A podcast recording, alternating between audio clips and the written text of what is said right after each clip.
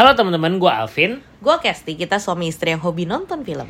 Kali ini kita mau bahas eh, atau review film yang mungkin durasinya terpanjang di beberapa tahun terakhir yang kita nonton di bioskop. Iya betul. Killers of the Flower Moon ya. Yes. Itu eh, durasinya 3 jam 26 menit. Ini mau Dahsyat nontonnya aja kayak masih mikir-mikir.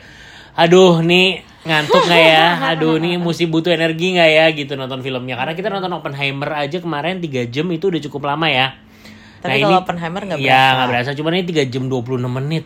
Waduh, Killers of the Flower Moon gimana nih ya Martin Scorsese yang bikin nih kan? Dengan dua aktor favoritnya Leonardo DiCaprio dan Robert De Niro ya, yang sering banget main di film-film Martin Scorsese sebelumnya. Nah, filmnya sendiri gimana menurut kamu? Jadi kalau kayak tadi ya, maksudnya kalau waktu gue nonton Oppenheimer tuh panjangnya relatifly sama. Tapi waktu di sana itu nggak berasa. Ih, gila masa ternyata tiba-tiba udah mau tiga jam.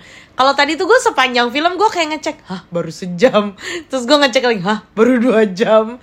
Jadi kayak berasa gitu. Maksudnya lamanya tuh berasa. Tapi enggak bikin ngantuk sih sebenarnya. Jadi nontonnya tuh nggak ada nggak ada kayak ngantuk pengen ketiduran gitu nggak ada. Cuma memang ini ceritanya tuh panjang banget tapi nggak yang tegang maksudnya kalau Oppenheimer kan tegang gitu kan jadi kayak nggak nggak berasa bisa kayak ada waktu napas gitu untuk bisa ngecek jam-jam berapa. Nah kalau tadi tuh karena panjang dan slow pace gitu jadi kayak sempet ih ngecek ngecek jam tuh sempet gitu. Jadi terasa lama. Mungkin karena kalau menurut gue ceritanya sendiri bagus namun eh, apa ya bukan tipe yang engaging gitu loh bukan tipe yang kayak wah nggak bisa lepas nih dari ceritanya gitu nggak nggak sampai kayak gitu kalau kamu Oke, gimana ini sebenarnya ceritanya kan tadi belum belum dibahas ya. Ceritanya itu sebenarnya eh, zaman ini tentang suku apa asli Amerika ya, bangsa Indian itu Uh-uh. namanya Osage nama nama bangsa Sukunya. suku Osage.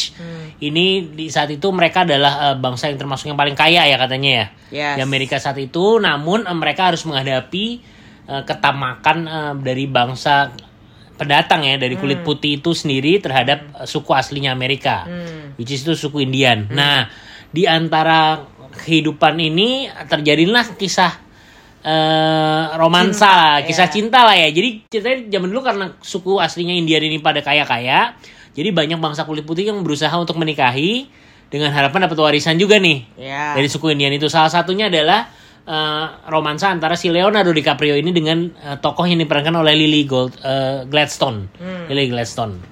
Nah itu, nah kalau menurut gua, eh, ya tadi Kesti udah bilang yang film ini berasa panjang, iya berasa panjang. Tapi gua sih nggak ngantuk.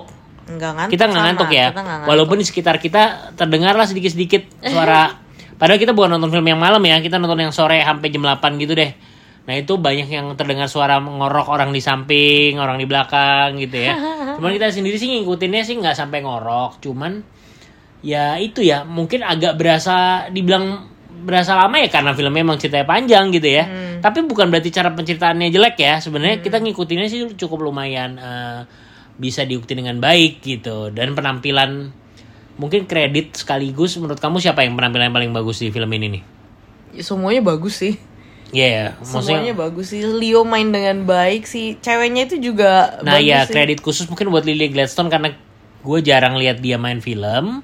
Mungkin film-film sebelumnya kita nggak nonton lah ya gitu ya. Cuma di film ini Lily Gladstone tuh bermain dengan sangat eh, apik apik lah ya, bagus lah gitu. Kalau Leonardo DiCaprio sih udah emang sama Robert De Niro tuh udah langganannya Martin Scorsese ya. Jadi memang mereka juga ya pasti udah dipercaya banget sama Martin Scorsese dan bermain dengan sangat baik juga lah ya. di Iya lah film mereka ini. udah aktor inilah maksudnya kayak nggak perlu di apa namanya ragukan lagi lah gitu.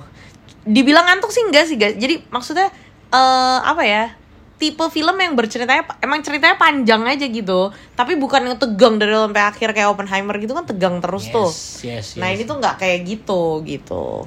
ya saran saya sih eh, saran gue sih jangan nontonnya jam 9 Ya, jangan jam malam gitu jangan sih. yang terlalu malam lah ya Jam takutnya siang capek. atau sore lah nontonnya dan Gitu. jangan habis makan siang. yang pasti bukan film jelek lah ini Nggak bukan film jelek ya, ini tipe filmnya maksudnya secara gambarnya tuh artistik ada beberapa adegan tuh artistik banget gue tuh tadi kayak sampai wih gila nih cakep banget nih gambarnya ada banyak simbol-simbol yang ditampilkan dari filmnya dan apa ya maksudnya ini tuh menceritakan sejarahnya Amerika yang kelam pada saat itu tapi dengan cara apa ya maksudnya eh, dari sisi yang lumayan menarik gitu kan karena ditambah ada cerita cintanya juga jadi menceritakan sejarah tapi menarik lah gitu Oke, mungkin kekurangannya kalau menurut gua, nah ini kan ada base kisah cintanya sebenarnya itu untuk ya supaya kita bisa eh, lebih ngerasa merasakan jadi si tokohnya lah kasarnya. Supaya relate sama Supaya tokohnya. relate dengan tokohnya. Cuman menurut gua ya ini kisah cintanya agak kurang digarap. Menurut gua bisa lebih baik lagi lah. Hmm. Gitu menurut gua. Jadi ya kalau udah biasa film nonton film Korea kan kayaknya wow kita relate banget nih sama tokohnya gitu ya.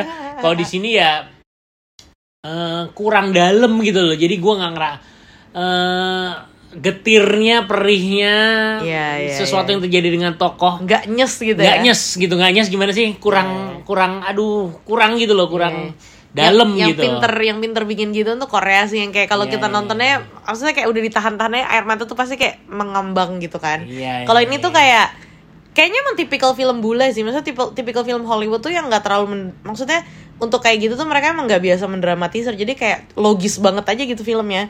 Kayak Ya. film kayak film laki banget gitu. Ya cuman ini film ditutup dengan sangat baik ya. Iya, iya, endingnya endingnya bagus. bagus. endingnya bagus. Dan Endingnya ada beberapa bagus cameo. Ya bukan yang buat yang teman-teman yang ngikutin atau tahu ya ini cukup lumayan lah cameonya. Hmm. gitu. Banyak tokoh-tokoh juga yang apa namanya nggak nyangka gitu kalau dia ada di situ gitulah ya. Ya Oke lah gitu aja gitu. kali ya. Nah. oke jadi rate dari kamu untuk film eh, ini Ah, Killers gua- of the Flower Moon? Gue ini sebenarnya nil- secara kualitas film sih filmnya bagus ya. Maksudnya baik gitu sangat baik. Cuma memang ini lebih ke personal taste aja. Jadi kalau gue kasihnya tujuh setengah deh. Wow cuma tujuh setengah? Iya. Oke, kalau dari gue sih, ya sekali lagi ini adalah sebuah film yang bagus. Ini film yang sebenarnya buat eh, movie pen- pencinta filmnya harusnya ditonton Iya, juga ya. harus nonton sih. Itu dari gue jadi 8 gitu Oke. untuk film ini. Jadi eh, rata-ratanya nih eh, overall the, eh, rate average rate dari asal ke sini untuk film Killers of the Flower Moon adalah 7,8. Oke, jadi teman-teman silahkan nonton di mana aja asal Ke sini dengerin reviewnya. Bye. Bye.